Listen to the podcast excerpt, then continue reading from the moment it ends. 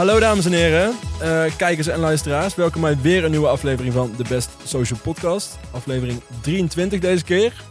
Uh, de podcast in Nederland over social media. Uh, eigenlijk, zoals we zelf zeggen, met gesprekken die je ook in de kroeg zou kunnen voeren, maar dan zonder dubbele tong of biervlek op je shirt. Uh, deze keer de Sonneke Toe, zoals sommigen zagen. die is verdwaald in Alien Dildo's op YouTube. dankzij Rianne van Dorst, onze vorige gast. Maar onze grote vriend Diederik is terug. Hoi. Dag Diederik. Leuk dat je er weer bent. Dankjewel. En dan hebben we wederom een gast waar we behoorlijk naar uitkeken. Namelijk niemand minder dan de oprichter van de Speld. Hallo Jochem van den Berg. Dank uh, voor de uitnodiging. Ja, ja, ja, heel graag gedaan. Hey, uh, even met de deur in huis vallen. Uh, stel, de speld was nooit van de grond gekomen. Wat zou jij dan nu aan het doen zijn? Oeh, dat is een lastige. nou, ik ben afgestudeerd filosoof, dus ik was, begrijp ik, compleet verdwaald na mijn studie. Aan de krek. ja. Ehm, ja, ik, ik zou het echt niet zo goed weten. Ik bedoel, ik heb wat webproductiebaantjes gehad, wat filosofie les gegeven. Ik was, ik was zoekende, ja. zullen we zeggen. Dus vermoedelijk zou ik dat nog steeds zijn. Misschien ben ik ook nog steeds zoekende. Dat zou ook nog kunnen. Oké, oké. En uh, Diet, hoe zit het met jou? Stel als de Best Social nooit uh, van de grond was gekomen. Ja, voor uh, de Best Social was ik kindernieuwspresentator onder andere. Dus misschien, ik heb geprobeerd bij het Jeugdjournaal te, te, solliciteren. En terecht wilden ze me daar niet. maar misschien was ik een beetje ja, ik denk ook redactie, presentatie, kant ja. op gegaan. Okay. Um, en jij? Ja, ik was uh, profvoetballer geworden, denk ik. Ja, dat denk ik, ik ook. moest ja. kiezen tussen uh, of studeren of uh, de jeugd bij Ajax. Of Jumbo Webcare. Of Jumbo Webcare, inderdaad. Ja, ja, ja, ja, ja. Nee, maar nu serieus, wat denk je nee, dat er gebeurd was als je niet bij vraag. ons was gaan werken? Ehm, misschien dat ik dan een iets, ja, ik wil... Leukere baan. Nou, dan zou ik misschien iets meer richting heel moeilijk. Misschien richting de marketing zitten. Want heel veel mensen van mijn studie, uh, bedrijfscommunicatie en digitale media, die zijn iets meer de serieuzere marketingkant op gegaan en niet de redactie. Uh, dus misschien dat. Maar uh, ik vind het ook een moeilijke vraag die ik zelf heb verzonnen. Maar goed, laten we naar de reacties gaan, Diet. Oh, oké. Okay. Ja, nou, we, het valt een beetje tegen de reacties. Dus misschien hebben we niet hard genoeg gepusht. Dus dat gaan we deze hele uitzending eens even rechtzetten. Dus uh, wij uh, willen graag reacties um, op deze podcast hebben. Want dat helpt om, om te verbeteren. Dat mag positief zijn, mag ook negatief zijn. we hebben wel wat reacties binnen hoor, dat wel. zo hebben we eerder opgeroepen om te laten weten vanuit waar jij de podcast luistert. En Marnik met een Q Zeg ik dat goed? Ja. Maar niks misschien. Nee, maar ja, het is een beetje. Het is Marnik met een C en dan een Q en dan met een Q. Ja, want Marnik met een Q. Oh ja, ik snap hem. Jeetje. Marnik Q met een Q.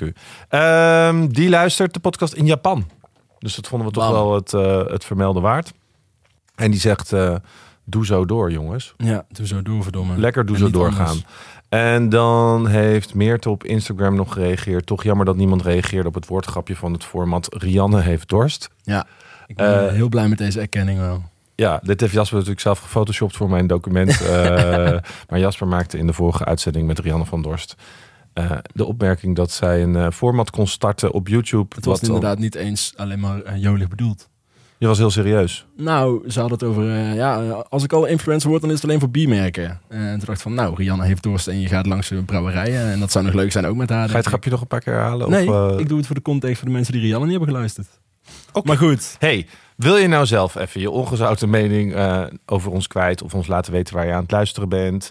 Doe dat dan maar via 06 23 99 2158.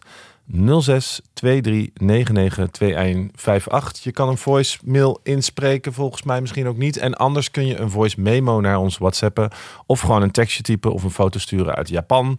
Um, of je laat een iTunes recensie achter. Dat vinden we ook heel fijn. Daar kun je sterren geven, maar je kan ook daar je mening uh, typen. Dat helpt ons weer in het algoritme om hoger te komen, zodat meer mensen deze podcast willen luisteren en we langzamerhand heel de wereld gaan domineren. Um, en wellicht hoor je ook gewoon jezelf wel terug in deze ja. podcast als je iets inspreekt um, of iets achterlaat. En ja, en dan is de cirkel weer helemaal rond. Precies. Nou, um, naar jou Jochem, uh, want je zit er niet voor niks natuurlijk. Ik vind het eigenlijk zelf wel heel interessant om toch even terug te gaan naar het begin van de speld. En hoe het allemaal uh, uh, ja, is begonnen en ontstaan. Ja, dus ik schets al een beetje dat dit voor mij eind studententijd was. Ja. Hoe lang geleden is dat? Dat is ehm, twaalf jaar geleden alweer. Uh, en ik uh, was een beetje in de geesteswetenschappen zat ik, dus ik had al zoiets van ik moet eigenlijk toch wel iets snel uh, iets zelf bedenken. wil ik ooit aan het werk komen?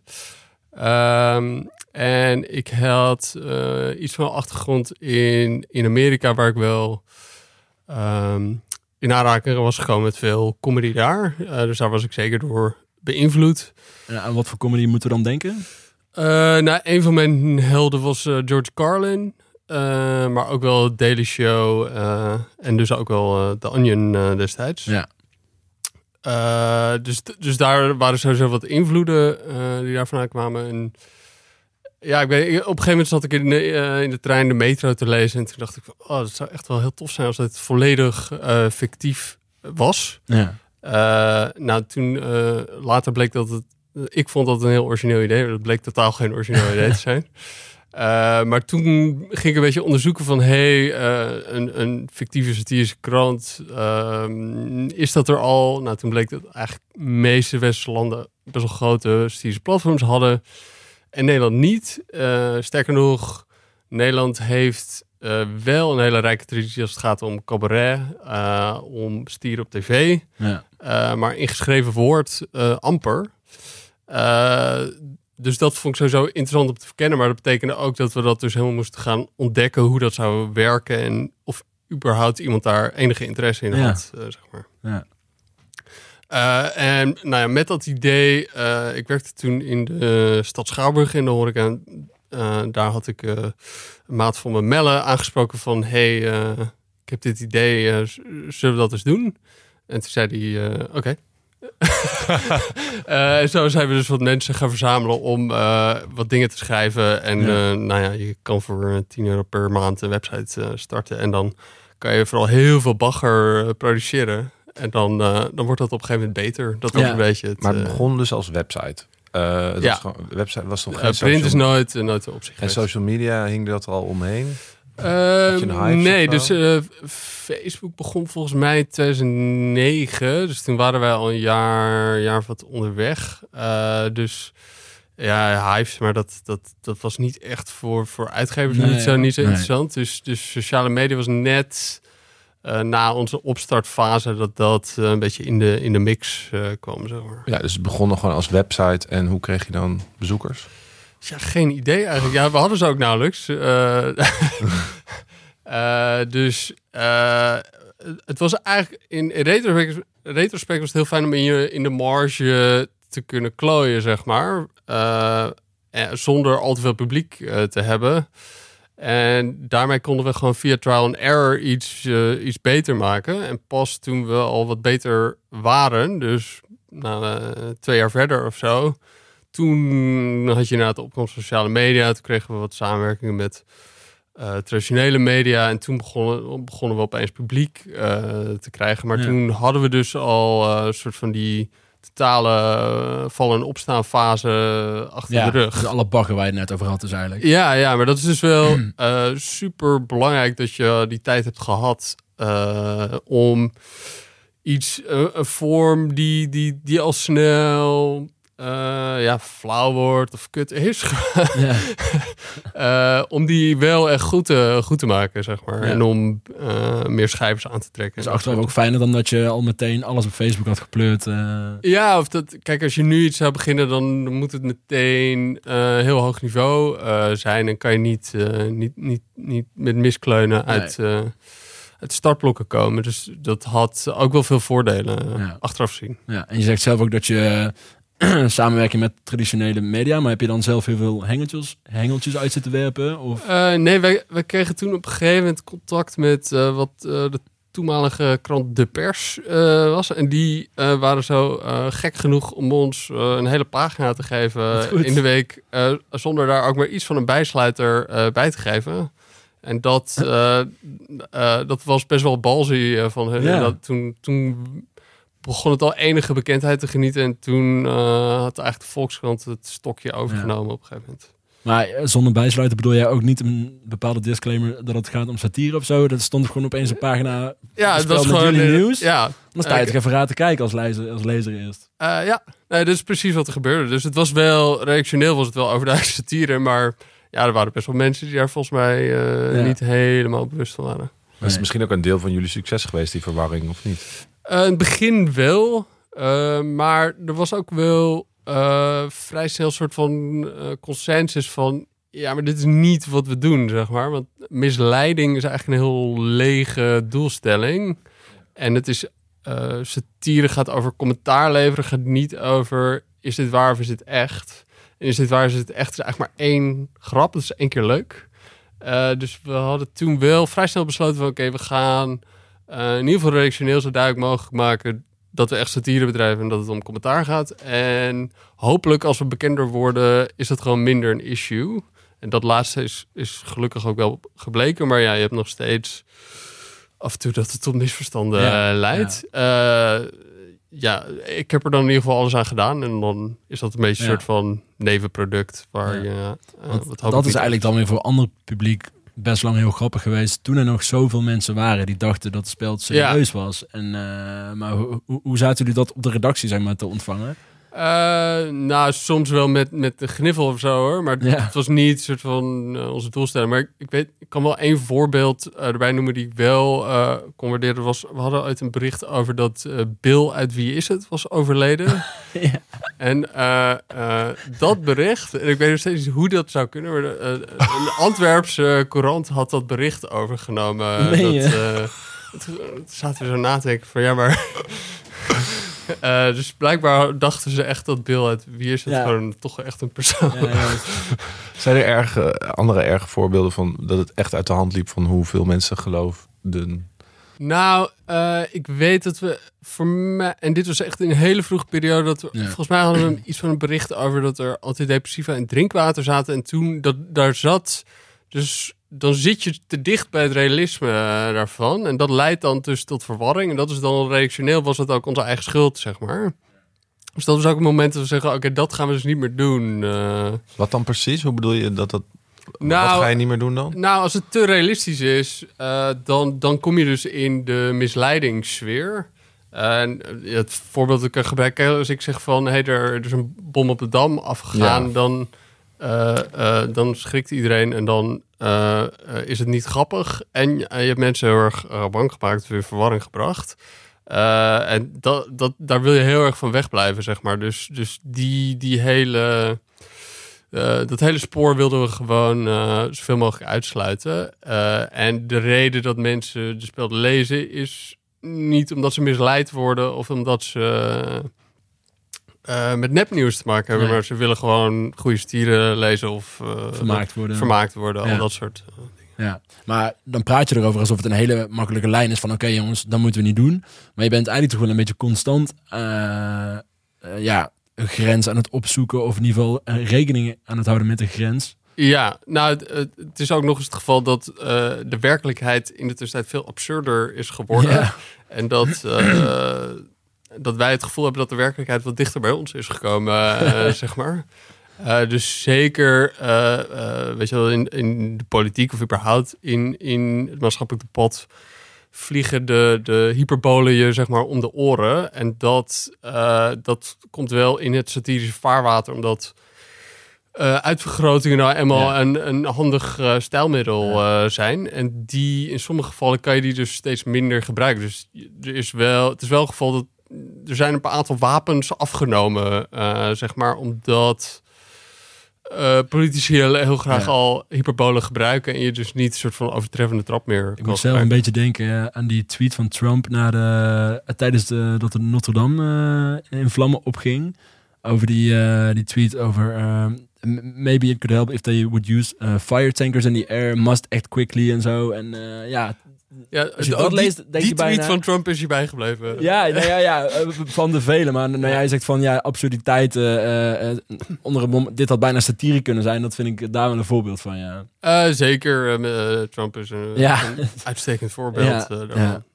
ja. Wat zijn, jullie, wat zijn jullie allergrootste hits of meest beroemde artikelen of social media hits ooit geweest? Ehm, oh ja, nou, er, gaan er een soort van duizenden artikelen. Ja, snap ik. Ehm, maar wat schiet erbij te binnen? Nou, uh, ik weet in ieder geval een van de artikelen die... die er zijn een aantal artikelen na uh, een beetje grotere tragedies geweest... waarvan je echt een soort van voelt van... oh, dit heeft echt een snaar geraakt. Uh, er was... Na Charlie Hebdo hadden we dat bericht...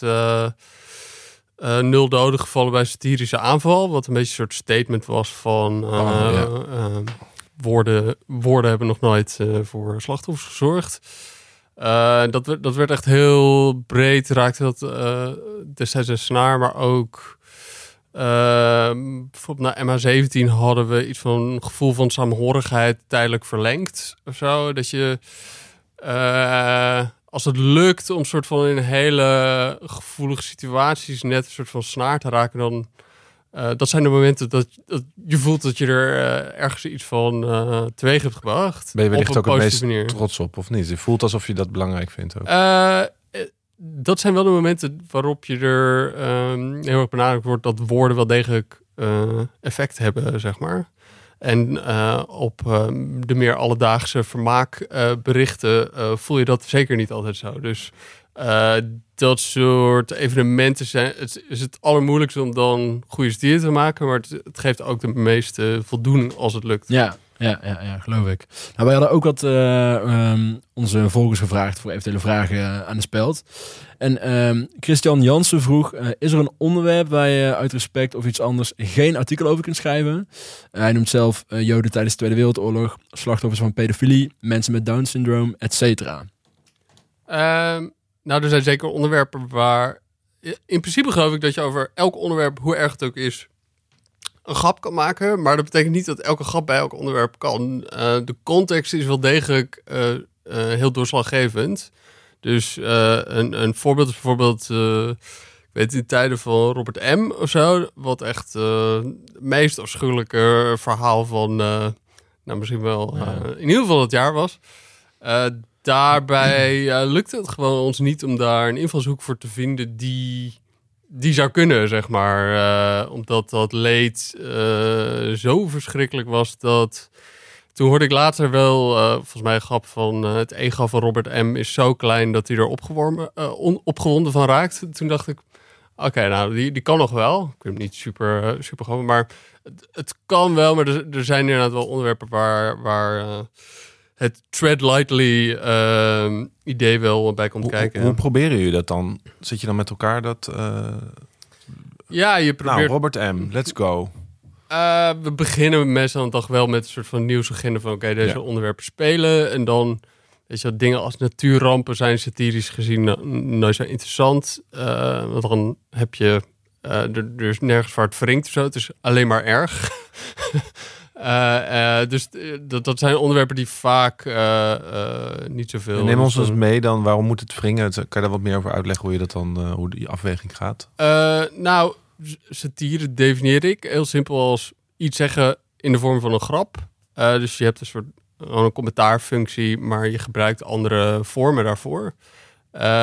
en als je commentaar wil leveren, dan wil je natuurlijk iets, een originele invalshoek daarvoor hebben of een eigen kritiek uh, daarvoor hebben. En bij Natuurramp uh, heb je niet zo heel veel om echt kritiek op te leveren, uh, zeg maar. En dingen die spelen in maatschappelijk debat of zo. Of, behalve als, of de reactie erop of zo. Stel bijvoorbeeld de hulpverlening komt helemaal niet op gang of de politiek reageert heel traag. Dan daar kan je satirisch veel meer mee dan met zo'n ramp zelf. Ja. Ja, of het moet gaan om een olietanker die uh, leegloopt. Uh, Bijvoorbeeld, ja. ja, ja. Oké, maar en is er een soort, hebben jullie ook gewoon een werkgroeps en speld groeps app die dan uh, allemaal flarden gooit, zeg maar? Of waar mensen hun hersenspinsels ja, parkeren, gooien? Ja, ik kan wel een beetje in het kort schetsen hoe we werken zonder alle geheime... Nee, nee. Um, Men luistert mee hoor. ja. we eh, in principe werken we uh, in een soort omgekeerde journalistieke werkwijze. Dat we beginnen bij de kop en dan het stuk gaan schrijven. Dus als je journalist bent, dan ga je op reportage, schrijf je een, een, stuk. En dan gaat het daarna naar de eindredactie. De eindredacteur zet er een kop onder. Dan wordt het gepubliceerd. Dus daar zit een soort gat tussen degene die het stuk schrijft en de kop. Uh, wij hebben het altijd omgedraaid dat uh, je de kop schrijft waar uh, je idee en je grap zo helder mogelijk in terug moeten komen. En dan kijken we van oké, is dit een kort stuk of dit een veel langer stuk of is het misschien wel een video of alleen maar een plaatje. en meestal beginnen we maandag hebben we dan een kopvergadering en dan uh, moeten alle schrijvers alleen maar koppen schrijven. En dan uh, printen we die uit, geanonimiseerd. Dan gaan we alleen maar over die koppen hebben. Uh, en dan valt 90, 95 procent weer af. en dan gaan we die andere koppen, die, die leggen een beetje een soort van bodem in de week van waar, waar we vandaan werken. Ja. en dus dat is één belangrijke component. De andere is dat we, het is best wel groeps, groepsgeoriënteerd. Dus um, schrijft met z'n allen in één document, document op een dag. Meestal twee mensen aan, aan hetzelfde bericht. Kijkt er een derde naar. Dan wordt het ook nog getest in een schrijversgroep uh, digitaal. Van hey, wat vind je hiervan? Uh, kan het beter? Uh, en zo zit er een soort van mechanisme in die waar, je een soort van peer review doet om het alleen ja. maar beter te maken of om het ruksiglas weer weg te gooien. En op die manier voelt iedereen ook een soort van verantwoordelijkheid voor wat er op de site komt. En die voelt dus weer uh, iets over te zeggen heeft. Um, en, ja, en dat maakt mijn werk ook als hoofdredacteur iets, iets, makkelijker, omdat ik dan niet als een soort van dictator mijn smaak uh, nee, altijd doordruk. Nee, want het klinkt ook wel als een aantal stations, om het zo te noemen. Terwijl je soms juist wel echt supersnel uh, wil handelen, toch? Ja, in principe als, als de nood hoog is, moet je eh, in 20 minuten, een half uur wel. Ja. Iets, Wanneer is de nood hoog? Uh, poeh, ja. Uh, nou, uh, het kan na een Ajax-wedstrijd dat je een, een, half uur daarna wel iets wil hebben, maar het kan. het geval van een grote nationale tragedie is de afweging altijd van ja, we gaan nu niet iets luchtigs plaatsen, want dat, dat is pas misplaatst. Oh, ja. dus dan zit je heel erg van Oké, we, we moeten even de, de reacties afwachten en dan, uh, uh, dan een invalshoek uh, daarvoor, daarvoor bedenken. maar daar zit ook wel tijdsdruk achter. Ja, ja, ik kan me voorstellen. Ja, oké. En Maar ja, ik wil nog heel over die kop. Want waarom is die kop zo belangrijk? Want ik kan me nu voorstellen dat het ook door social media komt. Omdat als de kop niet ja, maar sowieso is de grap is ook meteen de grap eigenlijk, toch? Ja, het is inderdaad tweeledig. Dus inderdaad, de, de, eh, de, grap moet in de kop zitten, wil, het, wil het stuk werken. En uh, het werkt uh, extra op sociale media, omdat daar mensen natuurlijk aanslaan op de kop om al dan niet verder te lezen. Want in hoeverre monitoren jullie de, de comments bijvoorbeeld op Facebook? Want het gaat al vrij snel los. In hoeverre zijn jullie daar ook mee bezig? Uh, als ik daar elke dag mee bezig was, dan had ik uh, geen tijd meer over, nee. uh, inderdaad. omdat je wel altijd toch een beetje alert moet zijn. Stel, er gebeurt iets, een nare opmerking of ja, I don't know. toch iets wat je we monitoren niet eigenlijk vooral bij berichten waarvan we misschien denken... oh, dit zou nog wel eens nare reacties kunnen ja. op, oproepen. Ja. Um, maar, maar het is niet alsof wij iemand hebben zitten die de hele dag uh, dat aan het bekijken is. Ik heb het idee dat wij um, best wel uh, uh, nettere schare fans hebben die, die ook weer niet al te bond maken. Ja, maar. want voor de mensen die jullie niet actief volgen op Facebook, er is zeg maar een soort cultuur dat onder jullie artikelen mensen doorgaan met de satire, toch? is, dat, is dat was dat altijd al zo? Is mijn eerste vraag. En de tweede vraag, gebeurt dat bij al die andere broertjes en zusjes in het buitenland ook zo extreem? Want het is bijna een soort, volgens mij, voor mij is het een hobby om de reacties uit te klappen. Ja, ja. En dan is het ook volgens mij een soort strijd wie de meeste likes krijgt, natuurlijk voor de beste grap over jullie grap. Dus uh, dat ja, dat is, wel is vraag 1. Uh, ja. een beetje het geval geweest inderdaad. Dat mensen dan toch uh, soort van gingen aanvullen uh, met, met extra grappen. En Bijna nooit reageren ze serieus, toch? Het is, het is voornamelijk de, de nou, bovenste reacties. Dat was dus in het begin, maar dat zal ja, lijkt me inderdaad dat het alleen maar minder wordt. Nee, mensen reageren... Nee, maar serieus, ik bedoel meer dat ze gewoon over iets anders gaan hebben dan zelf weer satire gaan maken. Snap je? Ik bedoel niet dat ze zeggen, oh, dit is, dit is een echt artikel. Ik bedoel meer, een normale website krijgt gewoon reacties... Uh, Goh, wat een leuk artikel. Ja, of iemand uh, die, die oh, wat een, in een eh, knap meisje, ook vindt haar stom. Of weet ik veel wat. En, maar dat is nooit zo. Het gaat nooit over... Oh, wat heeft de speld een leuk artikel geschreven. Het is, al, het is nooit serieus wat er onder gereageerd wordt. Als het de nou, meest gelijke nou, comments Ik denk dat een deel ervan is inderdaad uh, uh, grappen toevoegen. En een deel is wel reageren op waar het een stuk over Ja. gaat en een deel is gewoon zo, wat- Ja, taggen natuurlijk. Ja, ja. tot een Ja. ongeluk Want, want als ik... Als ik eh, Maar mijn vraag is niet beantwoord, eh, Jasper. Dus misschien... Nou, de vraag was, was dat al vanaf het begin inderdaad? Ja dus. Hebben jullie daar zelf iets aan gedaan, vroeg ik me nog af? Helemaal niks. Want het is heel Eh, bijzonder. Dat is ook Eh, misschien wel een deel van het succes, of niet? Weet ik niet. Eh, ja, je hebt nu eh, tegenwoordig, eh, ik vind het een vreselijk woord, maar je hebt van die topfans Ja. eh, Ja. op Ja. Facebook. Dus Facebook, dat ja. zijn inderdaad mensen die, die, eh, die graag toevoegen aan wat, eh, wat er al staat. Inderdaad. Ja, wat wij dan weten is dat als je zo, zoveel reacties krijgt, dat mensen dat allemaal openklikken. Dat is het allerbelangrijkste voor je succes van of je veel aan mensen vertoond wordt. Dus dat, dat, dat beïnvloedt het meeste of Facebook jullie laat zien aan je fans. Dus als mensen alleen maar zouden liken of zouden klikken, dat zou lang niet zoveel effect hebben als die reacties van die mensen die daar Oh ja? actief die comments gaan lezen. Ja, dat, Ja. Is, dat is de grootste waarde van je Facebookpagina. Is toch wel dat er dialoog over ontstaat en dat mensen het interessant vinden. Dat monitort Facebook natuurlijk. En jullie zijn daar in Nederland heel uniek in. Dat mensen, en dat, überhaupt bij nieuws natuurlijk, is het altijd heel leuk om comments te lezen. Ook soms heel naar leuk, maar of interessant. Zou ik het eerder noemen dan leuk. Maar bij jullie is het natuurlijk echt, ja, dat, dat is voor Facebook heel belangrijk om dat artikel vervolgens meer uit te gaan serveren. En ik denk dat jullie daardoor ook zo vreselijk hard altijd eh, door het dak Ja. gaan. Omdat er zo'n enorme reactiecultuur ontstaat. Dat is voor Facebook heel belangrijke. Maar is Facebook nog wel het belangrijkste, zou ik bijna willen vragen. Nou, ik zou eens naar je data kijken. Ik denk het ja. wel. Ja, nee. jullie. Maar het is wel in rap tempo aan het verschuiven nu. Ja, eh, dat is ook. En dat... eh, er zitten volgens mij nog grotere veranderingen aan te komen bij Facebook. de- waarbij het, eh, het... Het zal alleen maar minder worden, is mijn, mijn voorzichtige inschatting. Mm. Eh, Ja, dat- bij ons, we hebben net een enorme stijging zijn we aan Ja. het doormaken momenteel. Dus wij zouden dat niet... eh, Ja, het we hebben echt eh, ons eh, bereik eh, of lezers van Facebook echt verdrievoudigd of zo het afgelopen jaar. Ja, de, de, de hoeveel mensen die er afkomen, maar het aandeel van Facebook verkeer voor ons webverkeer is, is, is eh 15% eh, gedaald in een jaar. Eh, Ja. Dus dat, dat is toch wel significant. Ja, maar dat is bij ons juist gestegen. Ja, Ja. raar genoeg wel. Vooral Ja. de laatste ja, acht weken of iets minder is een best wel tendens dat we ook veel harder groeien eh, per week dan dat we die weken daarvoor deden. Dus het lijkt best wel een, ja, een soort Facebook-flow eh, gaande. Maar nog even op de Maar even, ze gaan dus heel erg focussen op groepen binnenkort. Ja, klopt. Eh, dus eh, je kan eh, van de ene andere Maar moment eh, weer helemaal... Facebook eh, focust zich altijd wel weer op iets. En dan is het niet zo dat de rest van Facebook stil gaat staan. Ik denk echt niet dat ze pagina's opeens niet meer relevant gaan maken. Want ze, ze riepen toch twee jaar terug, eh, of wanneer dat schandaal was, ook van nou, we gaan ons echt weer meer focussen op je vrienden. En je krijgt vaak je vrienden te zien in je, in ja, je dat is wel waar trouwens, denk ik. Nou, dat merk ik niet. ja, maar niemand erg. deelt meer iets. Nee, precies. Dus, je, dus je hebt die verschuiving naar private, Ja. private sharing. Maar de dingen die ik zie als ik scroll zijn veel vrienden. En dan zijn één op de drie dingen gesponsord tegenwoordig. Wat ik echt best wel extreem vind. Maar ik ben gaan tellen en het is gewoon drie berichten, sponsored bericht, drie berichten, sponsored bericht.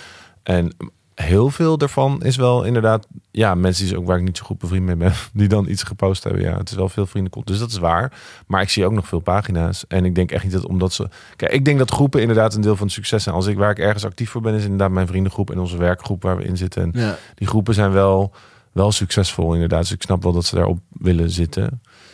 En het geeft ook een soort community gevoel misschien weer met je vrienden, wat ze een beetje mis zijn. Maar, ik Maar- denk niet dat je daardoor de speld of wij met de best social media opeens daar heel erg... Nou, maar fundamenteler eh vinden zij het op een of andere manier heel lastig om toe te geven dat ze ook ergens wel een uitgever zijn. Ja. En, en eh, mensen het ook gebruiken voor nieuwsbehoeftes. hoe, eh, hoe erg je dan ook in een bubbel zit.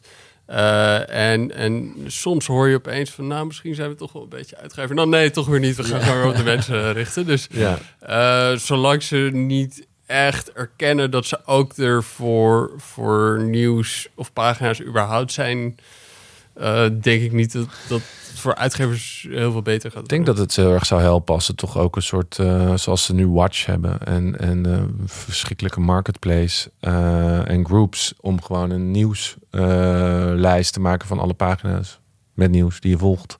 Ik zou dat aanklikken 's ochtends. Ik bedoel, prettig om het gewoon bij elkaar te hebben of zo. Dan kan je- Ja, ja eh, is het ook een wat bewustere dus- keuze dan dat je alleen maar in je timeline ziet wat je algoritme heeft bepaald dat jij dat nieuwsartikel moet zien. Of omdat Ja. allemaal mensen weer satirische comments onder de speldartikelen maken dat ik dat moet zien.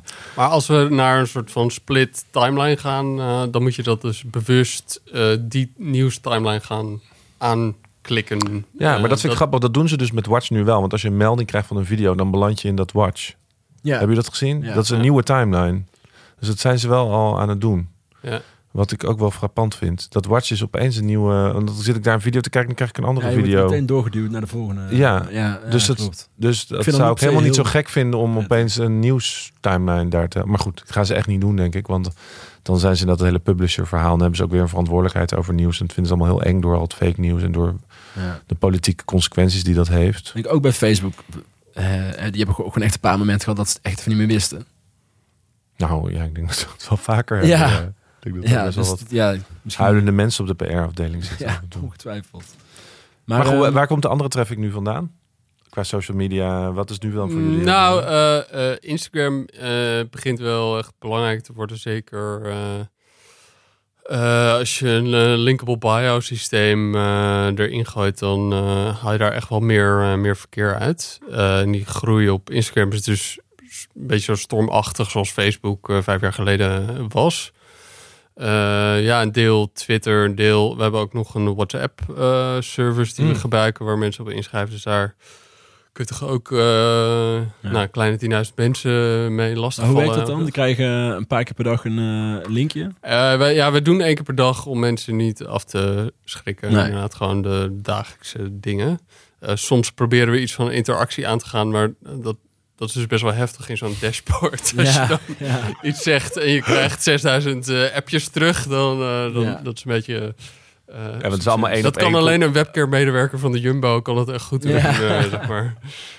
Want je, je kan natuurlijk niet een groep. Het is geen groep. Het is natuurlijk één op één verkeer, eh, één op één communicatie met die mensen. Ja, Ja, want- ja, maar en er staat dan ook nog een soort van bot aan eh, die soort van de, de basisvragen beantwoordt. Hi, ik ben Speldje. Ja, ja.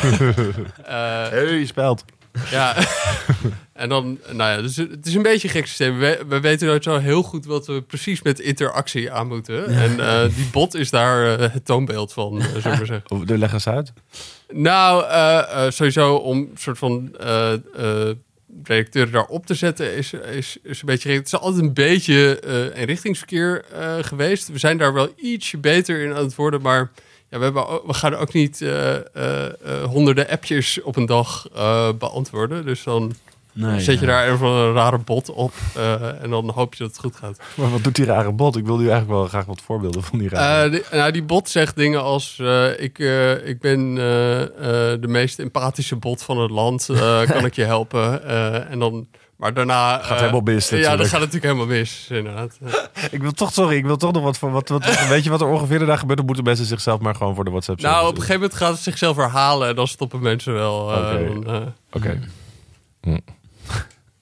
Oké. Eh, Er was nog een tweede vraag binnengekomen Ja, via Twitter. klopt trouwens, klopt. Wil jij hem voorlezen, Jas? Want jouw stem is meestal eh, wat zoets gevoister. Ja, precies. Voor dit eh, bericht van Paul Ivo. Ehm, waarom zijn jullie altijd leuk, behalve toen Baudet won? ah, Toen was het ineens zuur links.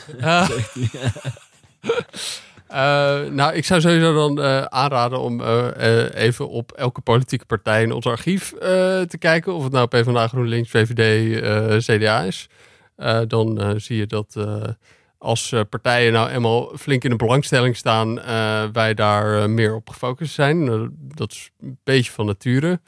Eh, eh, maar er komt eh, bij dat eh, eh, eh, ik vind dat je Forum op eh, een aantal punten best wel eh, inhoudelijk mag aanpakken. En de dingen die we hebben geschreven waren ook op de inhoud. Ja, want heb je een paar voorbeelden van Ja, de titels ben die eh, wel toen online kwamen? Ehm, nou, eh, sowieso, we hadden. eh, we schrijven niet superveel eh over ze. eh, maar we proberen wel dingen aan te vallen waar wij eh, er iets anders over denken. Dus we hadden op een gegeven moment een stuk van eh, wie te geloven, deze drie grafieken van Thierry Baudet of eh 101 klimaatrapporten. En dan hadden we eh 101 klimaatrapporten gelinkt die daar toch eh, iets anders over dachten. Oké. Eh, eh, ik probeer even te denken. Oh ja, en we hadden volgens mij na die verkiezingen hadden we iets over eh, dat eh, ze konden die ehm, fracties niet opvullen in de provincies. Dus toen hadden we iets over dat er Poolse arbeiders moesten komen ja, om heb die, eh, gezien, die, ja. die, die op te vullen.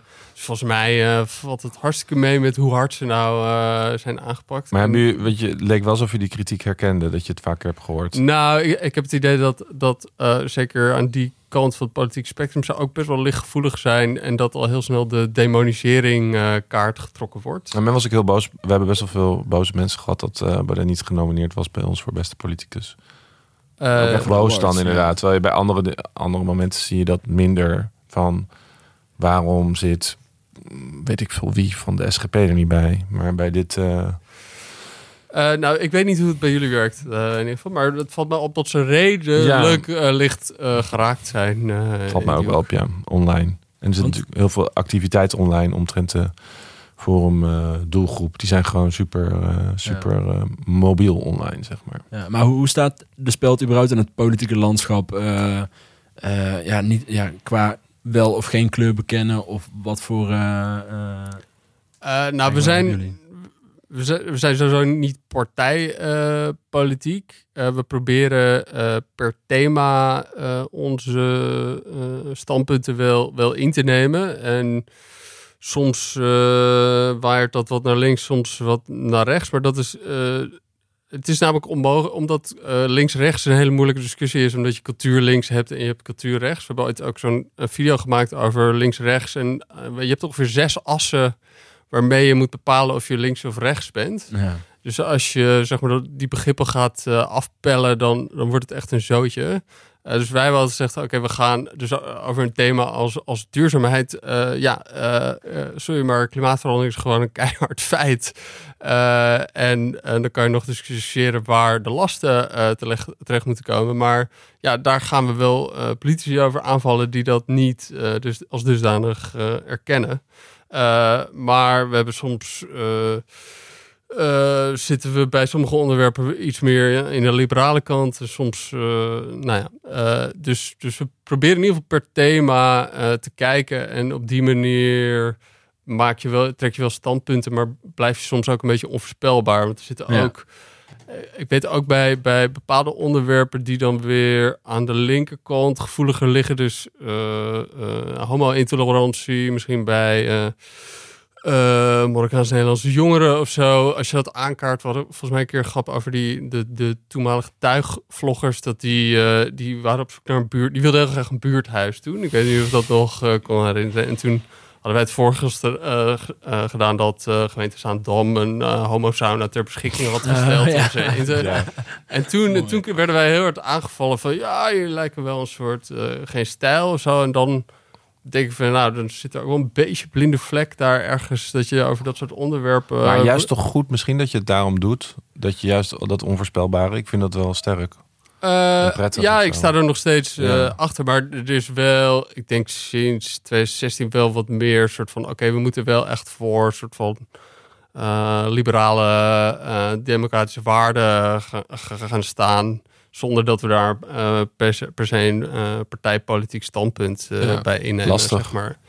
ja, het is, het is complexer geworden, ja. zeker. Want je wil. Het lastige is dat je eigenlijk per definitie probeert de macht ehm, te becommentariëren of aan te vallen. En zeg maar, als je kijkt in de jaren tachtig en je bent, ik zeg maar wat Wim kan of zo, dan betekent dat gewoon alle ballen op Den Haag, zeg maar.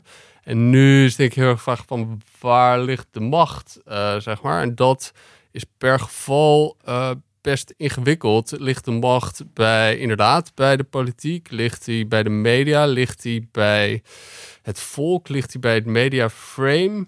Uh, dat moet je echt soort van per geval bekijken ja. waar, waar dat ligt. En dat maakt satire, uh, denk ik wel rijker en interessanter, maar ook een stuk ingewikkelder dan, dan misschien 20 jaar geleden. Oh, grappig is dat inderdaad per thema die macht een beetje jullie focuspunt is om op een satirische manier aan te vallen.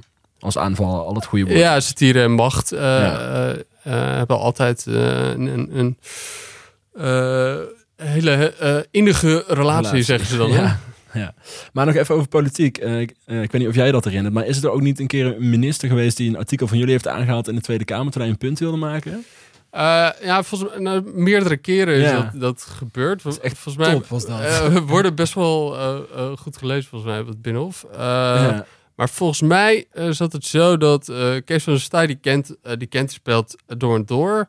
En die Buma haalde een stuk van de spelte aan. Toen viel Kees van der Staaij met een ander speldstuk aan. En toen werd dat mediafragmentje een soort van uit de context geknipt, waardoor het leek alsof Kees Buma. van der Staaij eh, niet de speld begreep. Oh, ik, dacht dat het Buma was, maar dat is misschien mijn geheugen. Eh, Ik, dacht dat Buma door de man leek te vallen, maar misschien was het nee, het was. Kees van der Staaij. Buma die, eh, die leek even de grote man te spelen van kijk mij eh, tof te doen in de speld. Ja, Eh, maar bij deze, om dit misverstand uit de wereld te helpen, Kees van der Staaij weet wat de speld is. En nou ja, het was niet zijn, zijn faux pas, zullen we maar zeggen. nee, nee. Oké, geinig. Hebben jullie een speciale redactie voor social media? Of is dat gewoon bij de, doet de redacteur die dat blog heeft geschreven ook meteen? Eh, nee, we, ja, we doen het toch allemaal een beetje tussendoor zelf. Maar het begint wel veel te worden momenteel. Dat, eh, we hebben eh, een paar maanden geleden apart titels voor sport en eh, de pin, wat een beetje een soort van Ja. vrouwen magazine parodie is. ja, hoe lang geleden is die gelanceerd? Want die is nog niet zo heel lang. ja, dus die zijn nu twee, twee maanden bezig. Oké. Eh, maar dat betekent dus ook dat je inderdaad nog veel meer kanalen erbij hebt. Ja. Waarbij je wel een beetje soort van op dagtaakniveau begint te komen. Dat eh, we er wel aan zitten te denken hoe we dat wat efficiënter kunnen, kunnen inrichten. Kan je wat meer vertellen over de pin? Eh, ja, dus eh, er zitten iets van vijf, zes vrouwelijke schrijvers bij de PIN en die, of bij de Speld. En die, ehm, eh, eh, er kwamen een aantal op een gegeven moment naar me toe van wij willen ook gewoon eigen site hebben waar we los kunnen gaan over eh eh, vrouwenmedia en vrouwenonderwerpen zonder dat dat meteen op de, de Speld moet. Ja. Ehm, tegelijkertijd hebben we, hadden we ook wat sportfanaten die eh, eh, graag wat meer eh, niche sportonderwerpen Ja. wilden bespreken. En zo ontstond een beetje dat plan van oké, nou dan, dan trekken we dat wat uit elkaar en dan eh, heeft het een beetje wisselwerking op elkaar en heb je ook wat meer diversiteit aan, aan onderwerpen en perspectieven. Ja. Eh, en ik denk zeker omdat eh, eh, vrouwen in humor en satire altijd in de minderheid zijn geweest. Volgens mij ook bij stand-up is die soort 80-20 eh, man-vrouw verhouding. Ehm, vind ik het ook wel heel tof omdat dat, dat bij ons zit en dat zij ja, dat kunnen, kunnen ontwikkelen hoe dat is. Ben je bang dat dan de vrouwen de speld in de steek laten? Of? Eh, nou, we zijn nog wel een beetje aan het zoeken van. eh, er zit ook ergens een beetje overlap in. Eh, en dat is zeker niet de bedoeling, inderdaad. eh, dat, eh, dat je ook op de, de speltractie die balans hebt. Ja. Eh, dat, dat is zich nog een beetje aan het uitkristalliseren. ja, of dat je daar dan ook de pin- en speldsportartikelen post? Of, Ja, dus er wordt wel doorgepost als het Ja, een soort van wat breder aanspreekt. inderdaad. Ja. ja. En is het ook een commerciële keuze, zeg maar, om makkelijker sales te kunnen doen? Deels, deels. Eh vooralsnog, eh ja, net, eh, sport heeft natuurlijk ook een andere, spreekt een andere adverteerders aan. En Ja. vrouwenmedia eigenlijk hetzelfde. Maar het is wel vanuit binnenuit ontstaan, zeg maar. Dus het is niet een soort van... wij willen die en die eh Ja. Labeltjes maken. lab- labeltjes maken, nee. nee. Maar kun je wat meer vertellen over de commerciële kant van de speld? Of? Eh, dat kan. Wat wil je daarover weten? Nou, eh verdienmodel. eh zeg maar, hoe, hoe, zi- hoe zien jullie inkomsten eruit? eh? Ik ben ook wel benieuwd naar eh, de commerciële samenwerking, ja. die tot stand komen. Eh, en of ja, jullie dus, met politieke partijen doen? dus drie vragen in één. Ja, ja. Succes. eh, eh, Tijd gaat nu in. Ja. Eh, ja. Eh, nee, de, de speelt een beetje een soort van waaier aan eh, inkomstenbronnen. Eh, we, hebben, eh, we zijn sinds 2016 hebben we inderdaad voor, voor branded content samenwerken. Hebben we de Speld en Partners. Eh, dus daar halen we een deel uit. Eh, we hebben een live programma wat we op congressen en evenementen spelen. De Speld Live, wat vrij succesvol is. Dat spelen we toch 40, 50 keer in een jaar, zeg maar. Eh, we, hebben, we geven natuurlijk nog boeken uit. En dan hebben we nog een soort van productie, huisachtige klussen voor print, voor tv af en toe. En eh, sinds een half jaar ook eh, soort, kan je vaag kennis worden van de speld. En krijg je een soort van premium model erbij. Nou, dus, dus altogether heb je, heb je een soort van waaier aan, aan activiteiten waar, waar het geld vandaan komt. Oké, en en wat zijn de extra's als eh vaag kennis? Eh, nou, je krijgt eh welkomstcadeau, geen advertenties meer. Eh, nou, je hebt wat extra eh, online features eh, erbij. Eh, En je, en je kan jezelf vage kennis van een speld noemen. Ja. Wat is er mooier je dan nog dat? meer Ja. Hoe loopt dat? Eh, redelijk goed. Eh, het is wel zo, je moet daar heel erg aandacht aan besteden. Het is niet... eh, je moet daar heel erg actief mee bezig zijn. Het is niet alsof je een soort van passief dat aanzet en dan... Dan gaat het balletje wel Dan rollen. gaat het balletje wel rollen. Je moet daar Ja. echt heel erg eh, eh, op zitten, inderdaad. Ja, want hebben jullie dan ook eh, meetings met hun of, eh, of een WhatsApp groep? Of, eh, Een WhatsApp-groep met de vage kennis. Ja, maar dan zouden ze vrienden worden. Dat wordt Oh ja, heel nee, lastig natuurlijk. Ja, we hebben Doe maar een Slack-kanaal. Ja. Liefst een afstandelijke handdruk. Dat, is, dat is het... wat idee, Eh, nou, op dit moment nog niet echt. Eh, maar we zijn ook wel eh, dingen als theater en zo bezig. En dan, dan daar hoop je natuurlijk wat eigen fans dan Oh, ook ja. naartoe te kunnen trekken tegen die tijd. Slim, ja. Ja. Ben je tevreden met hoe dat gaat? Gewoon de, de, dat, die, die waaier die je net uitlegt. Eh, nou, ik denk wel dat wil je een gezond eh mediabedrijf zijn, heb je echt wel een brede waaier aan inkomstenbronnen nodig. En zeker aan de advertising kant is het gewoon best wel weerbarstig. Dat je soms gaat het supergoed en soms eh, is, het, is het lastiger. Dus dan, dan wil je andere bronnen kunnen aanwenden Ja. om dat gezond te houden. En hoe ziet de toekomst daarin uit voor jullie? Wat is jullie strategie daarin? Nou, ik denk wel dat in wezen zie je al dat elke krant al is overgegaan op metered paywalls. En, en, en, en eh, ik denk dat die ontwikkeling echt wel door gaat zetten, omdat eh, eh, Facebook en Google nou helemaal die markt voor groot deel eh, beheersen. En dan zitten we ook nog in een tijd dat de Nederlandse media ook in handen zijn van een paar grote bedrijven. Dus- Vlamingen. eh, Vlamingen inderdaad. En dan nog Sanoma, Talpa. Nou, dan eh, heb je nog zo eh 1% over waar wij ongeveer in zitten. Ja. En dan denk ik dat, dat het lastig is om eh, van advertising revenue te, te kunnen leven, zeg maar. Als je Mhm. in, eh, in die 1% of minder nog zit, die niet eh, bij de grote, grote hoort. Ja.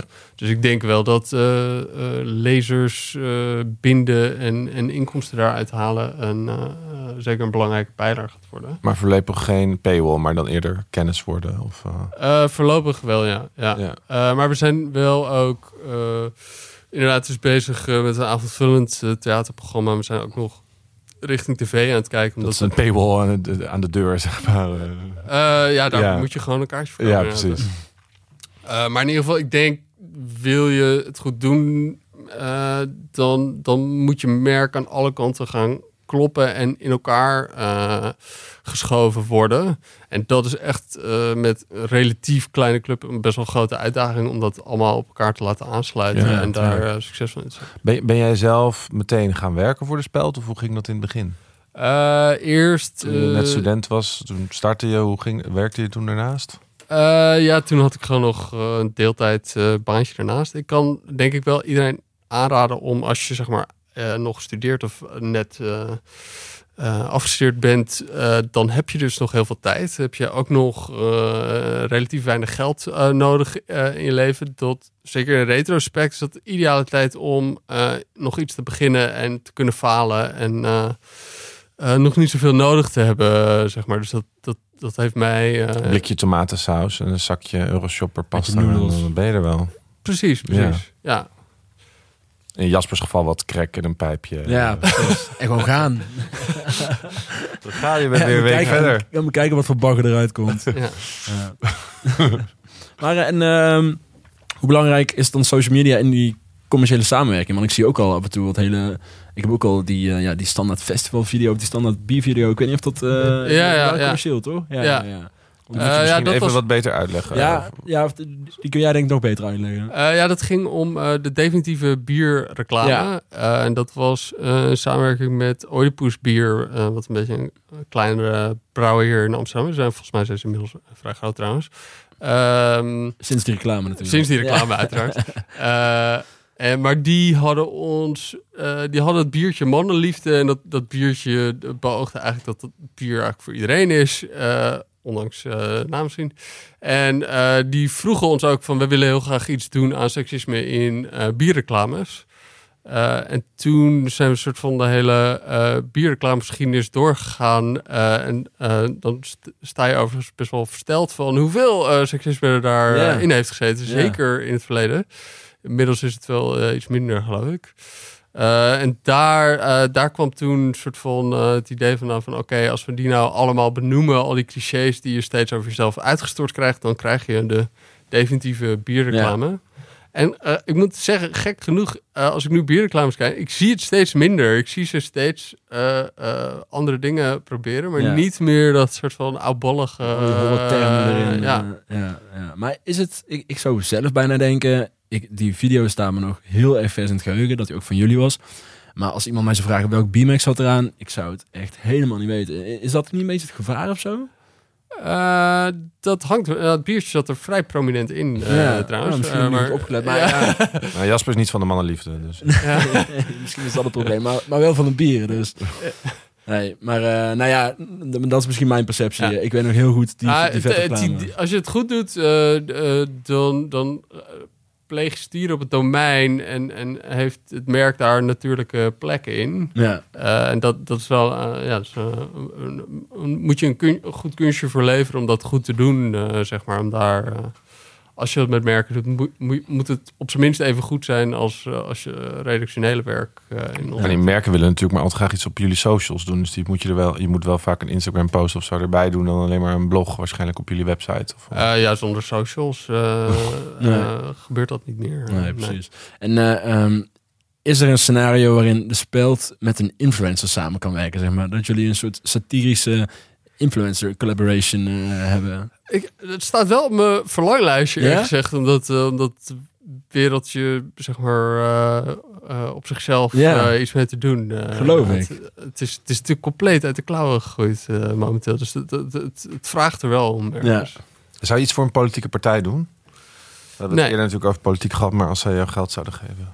nee, dat is een beetje een soort no-go. Hm. Want dan, ja, dan ben je kleur aan het bekennen op een manier uh, dat je dat nooit zou willen doen. En je onafhankelijkheid uh, toch al gooit. Dus dat uh, gaan we niet doen. Nee. nee. Dus niet de speld versus Famke Louise binnenkort. Of uh, Famke Louise en Thierry Baudet. Uh, nou, nu worden wel heel veel dingen door elkaar ja. gegooid. Uh, Politiek, ja. Nee, ik, zat even te fantaseren, sorry. Ik ben even, even dacht, misschien kunnen we nog live satire doen, maar dat moet je niet aan mij overlaten. werd van tevoren in de redactievergadering van misschien kunnen we nog live iets met koppen. Toen ik, nou, dan wil ik graag ondertussen water drinken. maar goed, je, je sluit het niet uit oh. dus, dat, dat er ooit een influencer uh, wordt ingezet. En dan heb je natuurlijk, ja. Nou, dan zou ik graag wel een soort van op een hoger niveau over influencers okay. iets willen doen. Maar ik zie er, ik zie er best wel iets. Ja. Als je er stieren mee kan bedrijven, waarom niet? Ja. ja. Ik, had het gevoel dat je iets wilde zeggen over influencers op een hoog niveau. Uh, op een, een soort mening. Nee, nee, nee. Want dat je zei, ja, ja, van. Nou ja, vooral hoe, hoe, aanschouw je het allemaal in het hele ontvouwen van social media? Uh, dat al die influencers nou inderdaad. Uh, uh, ja, dat is wel waar, waar, waar een groot deel van die budgetten nu, nu allemaal uh, naartoe gaan. Ja, uh, misschien is het mijn naïviteit, maar ik, af en toe vraag ik me af van ja, wat doet dit precies voor je merk dan vanuit, vanuit de andere kant bezien? dan wordt er even zoiets omhoog gehouden en dan denk ik oké, okay, ja. Ja. het merk krijgt er even. Ja, het merk kiest eigenlijk gewoon iemands doelgroep uit, denk ik. Nou, een beetje hetzelfde als wat je zegt over mannenliefde. Ik vind wel trouwens dat we goed veel reclame voor de mannenliefde maken. Ja, daar sta ik, natuurlijk, achter, sta ik natuurlijk achter qua mannenliefde. Ja, hebben ze niet. Sixpackjes volgens mij. Mm. Goed. Ja. Uh, dus, ja, er zijn natuurlijk, we doen nu wel de influencers en alle luisteraars die bij influencerbureaus werken, die zijn waarschijnlijk nu aan het uh, zogeheten cringe. Als jij zegt dat ze alleen maar merken omhoog houden, dat is natuurlijk niet meer het geval. Influencers doen natuurlijk het is ook, hele reizen. Onze Gwen van ja. Poorten, die, is, die, die reist wat af. half Influence Nederland doet allemaal inhoudelijke dingen voor merken. Die gaan echt niet meer. Hé, hey, je moet nu echt zoals Marco Bassato, wat was het ook weer? God, ben zo dol op Nespresso heerlijk klopje Nespresso op zijn Twitter. Had was toen een van de eerste. Ja, dat was een van de eerste dat mensen daar echt van wat is die doet aan het doen.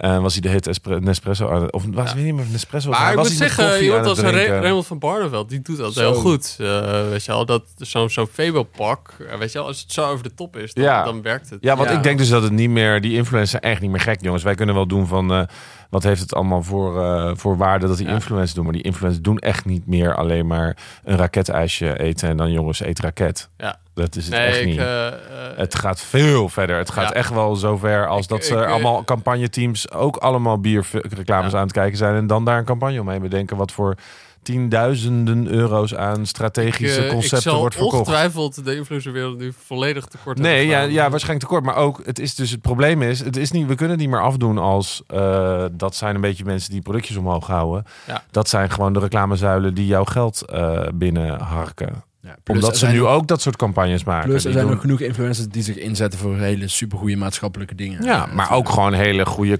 eh, hele slimme campagnes maken. Dat zien, ja, dat, daar zien we genoeg dingen van voorbij komen die eh, wat slim is. Wat dus wel een probleem is voor platforms zoals de best social media en, en de speld. Als je daar geen influencers hebt lopen, dan is het best lastig. Ja. Je, was gedacht, eh, je, hebt, oh, je hebt natuurlijk een soort presentatoren gehad, hè? Van dat We wel Nederland wat- gezellig. Ja, dat, dat, vond ik heel leuk. ja, dat was top. Eh, ik, ik- het zou wel terug moeten komen, vind ik. Maar het is best het is prijzig om te maken, Ja, eh, zeg ja. maar. Eh, maar het was, het was best wel een tijd succesvol programma... wat wel wekelijks terugkwam. En, zat jullie- ook, je, omdat het koffietijd was, kon je daar ook super over de top... ook in product placement en zo in gaan. Ja. Ik vond het juist wel... Maar wat ik heel knap aan jullie vind, is dat jullie toch met social media, wat iedereen nu ophangt aan influencers en gezichten. En eh, dat jullie dan toch enorm bijvoorbeeld op Instagram groeien met alleen maar tekst, insteek. En eh, hoe zie je dat? Hoe kan dat? Ehm, ja, eh, proberen zo origineel mogelijk te blijven en, en zo scherp mogelijk te blijven. Ik denk dat het dan toch de, de, de merknaam dan toch wel genoeg eh, doet erbij om... eh, Heb je daarover getwijfeld toen je met Instagram begon? Van moeten we niet allemaal super mooie foto's gaan maken in het Vondelpark? En, eh, Nou, je Zeg bent maar bij dingen die elk, meer elk bij nieuw Instagram- medium wel aan het zoeken Ja. van hoe, hoe gaan wij dit, dit invullen. En toen eerst zaten we iets meer van, oké, we doen alleen maar beeldende grappen daar. Maar toen bleek het ook gewoon prima te kunnen als je gewoon een kop onder zet. en een foto. Ja, ja, ja, wij posten ook bijna alleen maar tekst. Ja. Het, eh, veel wel inderdaad. er zijn heel veel mensen natuurlijk met Facebook gestopt en daar, daarheen gegaan. Omdat Ja. ze Ja. liever onder corporate Facebook verder wilden. Of zo, ik weet niet. eh, Ben je zelf heel actief op social media?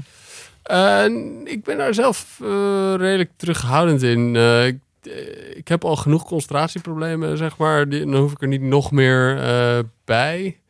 Eh, ik denk ook ergens dat als ik, ik zeg maar, als ik op Twitter was gegaan heel lang geleden, dan had ik ook het gevoel dat ik dan eh, overal op aangesproken kon worden en het, het mezelf moest verdedigen of zo. Daar had ik dan geen zin in. Dus jij zit ook totaal niet op Twitter, eh Eh, nee, bijvoorbeeld? nee, nee.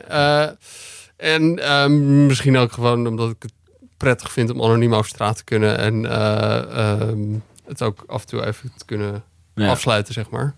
Want komt er veel op je af om ze, omdat men probeert een gezicht te plakken op de speld? Zoals dit soort dingen zoals wij nu. Dat ze van jou nou, een nee, ik ben er dus een vrij- influencer willen maken. ik ben er dus gewoon eigenlijk vanaf het begin vrij terughoudend in geweest met het idee van oké, de speld zal altijd groter zijn dan, eh, dan ik ooit eh, zal, zal worden. En dat, daar, dat vind ik eigenlijk een prettige verhouding. Ik denk ook dat ik eh, als ik echt een soort van heel prominent gezicht of zo had willen worden, dan ben je dus ook de hele tijd bezig met je eigen imago management. Dus, eh, dat lijkt me verschrikkelijk. Eh, dus nee, ik heb een iets meer dienende, dienende rol aangenomen en daar voel ik me veel prettiger. Ja. Maar dus een hele persoonlijke relatie met social media, daar kun je niet echt van spreken. Dus. Eh, nou ja, ik zit er natuurlijk wel de hele dag op. eh, ook op mijn eigen kanalen, maar ook wel op. eh, maar ik ben niet aan het vloggen. Ik ben niet uh, Nee. weinig aan het doen, jongens. Ja, ja ik ben echt complete teleurstelling. Waarom zit ik hier, mensen? oh, nou, we hadden vorige keer Rianne van Dorst. eh, die, Ja. die zei hetzelfde. Ja. Nee, maar je, je snapt denk ik zelf ook wel waarom je hier zit, toch? De speld is super social. Ja. Ik bedoel, ja, Nee, maar persoonlijke titel eh, stelt het dus gewoon echt helemaal niks voor. Denk- eh, ja. wij ook niet. Hey, denk je dat de, de speld ook een succes zonder social media was om het dat dan door, daar door te trekken? Mm, nou, het Liep wel, het nog het is- niet echt zonder social? Liep het dus nog? Het begon wel te lopen met social. eh, het, het is wel een hele belangrijke. ja. Had je waarschijnlijk nog steeds in de krant gestaan? Nou ja, het, het, is wel dat je door de traditionele media kreeg je ook een soort van vinkje van oké, dit, is, dit, is, uh, dit is goed. Ja, uh, Dus dat hielp wel een beetje. Maar zeker de sociale media hebben, hebben ons veel groter gemaakt dan we ooit dachten te kunnen worden. Ja. Hey, en er zijn ook in andere landen, dus buiten de Onion, zijn er nog heel veel andere spelden.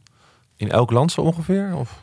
Uh, ja, sterker nog, uh, uh, binnen Europa hebben we een samenwerking met, geloof, de zeven grootste. Dus wij zitten in een soort van, nou ja, noem het maar, een soort van EU van de steden. Hoe heten die allemaal? Dus je hebt Le Gorafi in Frankrijk, El Mundo Today. Hoe heet dat, sorry? Le Gorafi.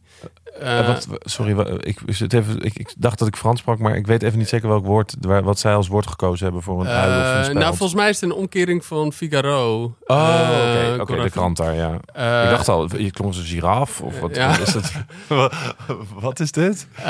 dan heb je Lercio in Italië, El Mundo, Today in Spanje, Waterford Whispers, Ierland, Der Postillon in Duitsland. En, uh, Postillon, toch? Ja, ja, ja die ja, ken ik dan. Tagespresse in Oostenrijk. Oké. En de, uh, de Britten uh, zijn dus die zijn er nooit ingestapt, wat heel nee? grappig is. en die lezen niet de Ierse?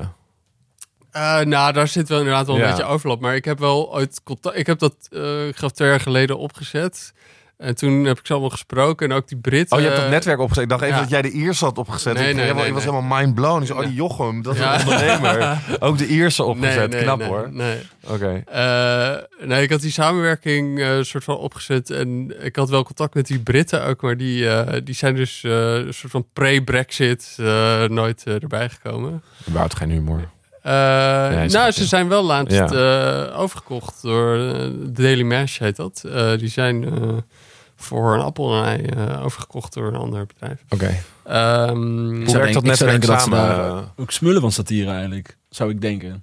Wat? Ik zou denken dat de Britten juist ook zouden, zouden kunnen smullen Ja, ja nee, maar ze zijn ook wel goed hoor. Maar ze hadden gewoon niet echt een model. Ze hebben een programma op de BBC ook, okay. uh, zeg maar. Dus.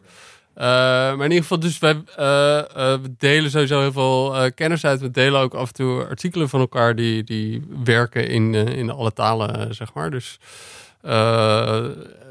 nou ja, dat is Ontmoet je elkaar ook en dan is de hele dag lachen en satire grapjes maken. En hij is dodelijke ernst dan. ja. Uh, nee, dus ja, we hebben inderdaad zo, ja, ja we komen één, één keer per jaar komen we samen. En dan, ja. uh, ik vind het wel grappig, want je, bent, je, je, bent zelf best wel serieus. Uh, ja, ja nee, dat is, dat, dat, daarom doe ik dus ook bijna nooit interviews. Ik ben helemaal niet grappig. Dan, nee. dan, dan, denk ik van, oh, dat moet ik heel erg grappig maken. En dat, nee, dat snap ik. Maar is dat vergelijkbaar met de andere mensen die bloedserieus satire maken? Uh, ja, de meeste. Nee, er zijn, ze hebben allemaal wel humor natuurlijk, maar het is ook wel gewoon redelijk, redelijk uh, ernstig. ernstige zaak. Ja, ja. ja. Ja, dat, dat, misschien is het ook wel logisch. Want het is natuurlijk ook best wel serieus. Je moet er goed over nadenken. Het is niet een beetje een soort makkelijk uh, punten scoren. Ik bedoel, nee, de, soort... je, natuurlijk, eh, het is een van de uh, leukere banen denk ik die je kan, kan hebben. Maar en er wordt echt wel uh, redelijk veel gemiddeld uh, meer gelachen dan denk ik dan bij, uh, bij een accountantbaan. maar je bent ook wel gewoon serieus aan het werk of zo. En, en, en meestal is het resultaat grappiger dan. dan heb, je, heb je er veel plezier in? Dus. ik, ik zie het nog steeds als een groot voorrecht dat ik elke dag naar, naar een plek ga en daar is dan een getalenteerde groep mensen en dan gaan we gewoon dingen maken. Ja, veel, uh, veel leuker worden. Maar en bespreken jullie ook veel, uh, zijn er dan ook veel verschillen qua landen die je merkt, qua wat wel of niet scoort, of uh, qua het hele social media landschap? Mm, ja, sommige zijn op, op, Twitter veel groter dan op Facebook. sommige leunen dus nog volledig op, op hun Facebook. zeg maar. Dus dat soort kennis wordt wel, ja. wordt wel uitgewisseld. Zou je zelf overgenomen willen worden? voorlopig niet. Okay. Ik ben zeer blij als onafhankelijk uitgever dat je een soort van korte lijntje hebt. Ik heel hoorde dat Baudet interesse heeft. Ah. de zakgeld. Uh... Nee, eh, ja. En in hoeverre... Dus je ziet je nog wel 40 jaar uh, speld? Uh... Dat niet, maar... Okay. Nee, dat niet? Oh, dat lijkt je best overtuigd van. Uh, nee, ja, ik vind dat je op een gegeven moment ook gewoon ruimte moet maken voor, voor frisse wind. Maar op dit moment denk ik dat ik nog genoeg meerwaarde heb voor, voor de club. En um, de, de tent nog eh, een paar, paar stappen extra kan Ja. laten, laten maken. Maar ik kan me voorstellen dat je op een gegeven moment eh, denkt van oké, nu misschien zit je nu eh, meer aan het, richting het einde en dan moet je... eens- Ja, want wat groeit jullie bereik nog? Of eh, zit daar een uitdaging voor je in? Of, ehm, Nou, we zijn eh, eh, behoorlijk stabiel geweest. En eh, eh, de laatste tijd weer een beetje aan het groeien ook. Eh, in ieder geval in online verkeer en in sociale media eh zit de groei dus volledig bij, bij Instagram Ja. eh, momenteel. jammer dat we daar zo afhankelijk van zijn, hè? Vind ik soms wel jammer. Dus je weet ook dat je dus over vijf jaar weer dat nieuwe platform moet gaan doen. En dat dan Instagram instort. En dan weer dat. En dan weer dat. En dan word ik soms een beetje... Ja, Krijg ik zelf een beetje... Misschien moet dan inderdaad ook iemand dat over een paar jaar maar Ja, voor mij gaan zitten doen. Want ik ga het niet nog zeven nieuwe platformen doen. Ik weet niet. Daar voel ik een soort vermoeidheid wel bij ja, mezelf. het is van, vervelend dat je moet meebewegen met iets anders misschien. elke dan. keer weer. Ja, ja, het is ja. ook interessant. Maar ik vind het ook wel vermoeiend. dus elke keer als er een nieuw medium genoemd wordt van dit is het nieuwe ding, dan denk, denk je in Ja, mijn eerste gedachte zelfs van oh nee, niet. nee. Maar dat heeft iedereen. Ja, ja. Dus dat is wel het fijne waardoor het niet zo hard meer gaat als vroeger. Het ging een tijdje harder. Ja. Het, gaat, Ja. het is nu al, al best wel veel jaren echt heel stabiel vergeleken met de roerige eerste jaren, zeg maar. Dat ik heb, Ja. In het begin maakte je de hele tijd weer nieuwe profielen. Moest je weer allemaal vrienden toevoegen. Ik was er strontziek van. Toch vreselijk. Echt Ja, vreselijk. ja, klaar. Dat willen we ook niet meer. Dat is ook nu denk ik wel de macht die Facebook heeft. Dat je de luiheid daarin. Want het is echt best wel vreselijk om weer te starten en dan weer. Maar Oh, ze ga je weer ook wel- 500 mensen toevoegen? Ik heb er geen zin in. Maar eh, je hebt volgens mij bij Facebook enorm veel passieve gebruikers. eh, Nee, oké, maar Facebook is dus ook Instagram en ook WhatsApp. Dus Ja. oké, maar die, Dat zou echt opgebroken moeten worden trouwens, maar dat, dat is Ja. anders. Ja. dat ook, maar dat gaat niet meer gebeuren, denk ik. Dus, eh, De, de, de, de mede-oprichter is er eh Ja, dat afgelopen week weer over begonnen. Eh, oh, oh, dat heb ik even gemist. Wat dan? die heeft in de New York Times een op-ed geschreven over dat hij vindt dat Facebook veel, veel te veel macht heeft gekregen en dat het opgebouwd zou moeten worden. Eh, en eh, hij bracht daarbij ook nog een punt aan dat eh, vrijheid van meningsuiting nu eigenlijk dus eh, gecontroleerd wordt door een privaat bedrijf, wat een heel gek, gek fenomeen is. Dat je, je vrijheid van meningsuiting eigenlijk eerder in, sprake, in vraag zou moeten zijn bij een rechter. Eh, dan Ja. bij een privaat bedrijf. Ja. Zeg maar. Dus eh, hij had eh, best wel wat, eh, behoorlijk wat principiële punten tegen zijn voormalige huisgenoot Ja. in te brengen. Wat ik wel, Hey, heb jij ook liefde voor, voor Facebook? Voor zeg maar ook het succes wat je misschien mede dankzij Facebook hebt? Of, Ja, je hebt natuurlijk een beetje de, mm, de eigenaardige verhouding toe, omdat het deel van je eigen succes is. Maar ehm, dat, dat zou je niet mogen weerhouden om ook gewoon heel kritisch te zijn op Ja. eh, eh, eh, de machtsconcentratie en hun Ja, ik vind het beleid lastig. ten aanzien van publishers. Ja. Soms heb ik het gevoel dat het een beetje te maken heeft met een soort abusive mom of zo die ik heb. Met een soort van. Ja, ik heb ook wel een soort zwak voor Facebook. Dat ik ook denk, ja, ik had mijn hele bedrijf ook niet echt kunnen opbouwen zonder dit bedrijf. En Ja, maar kan En je aan de andere niet, kant- niet van elkaar scheiden? Een soort van? Ja, nee, zeker wel, natuurlijk wel. En ik ben ook mega kritisch erover. Alleen, eh, ik heb er ook een zwak voor. Merk ik. Ja, En dat- zoals, ja, ja. social media breed af en toe. ook een beetje net zoals met je ontvoerder, hè, dat je daar verliefd op wordt. We zijn allemaal een beetje ontvoerd door onze, door, door Zuckerberg. En we, we kunnen allemaal niet meer eruit, zeg maar. maar. En vooral denk ik, de Speld en de best social media zijn best wel fucking afhankelijk van Ja. het bedrijf Facebook. Ja, Wat jouw WhatsApp groep tot aan je nieuwe Instagram account en eh die hele Facebook verkeer. Ik bedoel, het is echt, echt wel 80% van onze business.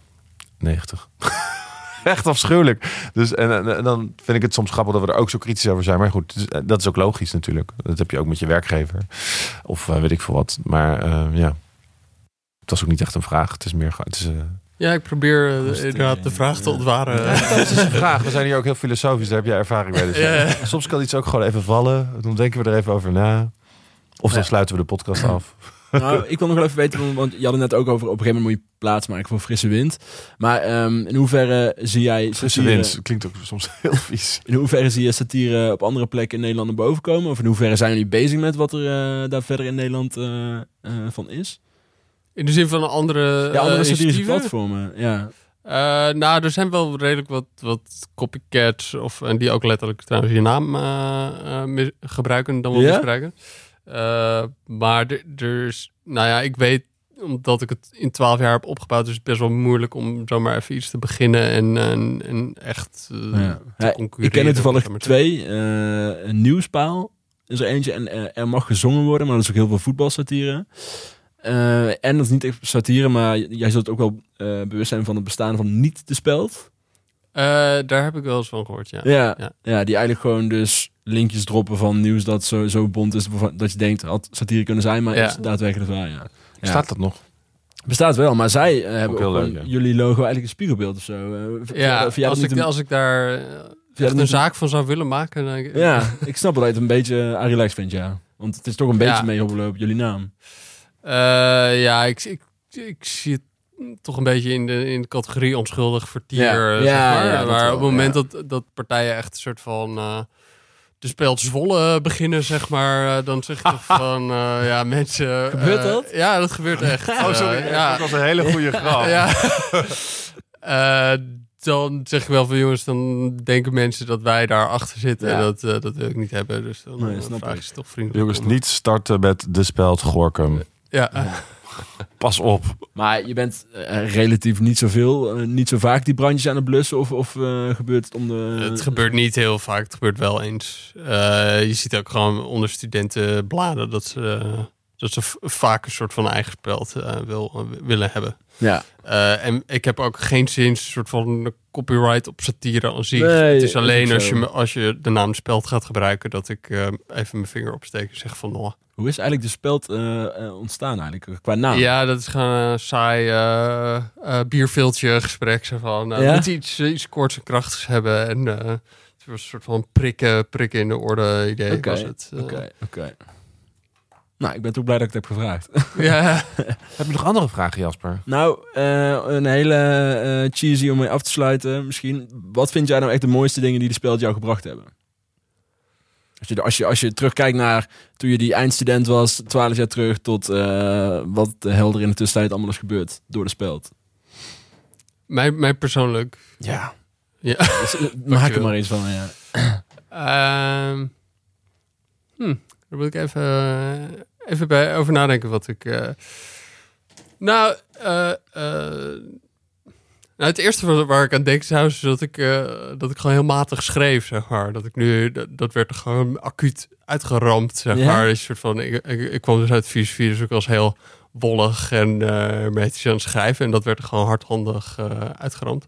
Maar überhaupt, het heeft mij in die zin heel veel gebracht dat ik elk moment heb kunnen zeggen van...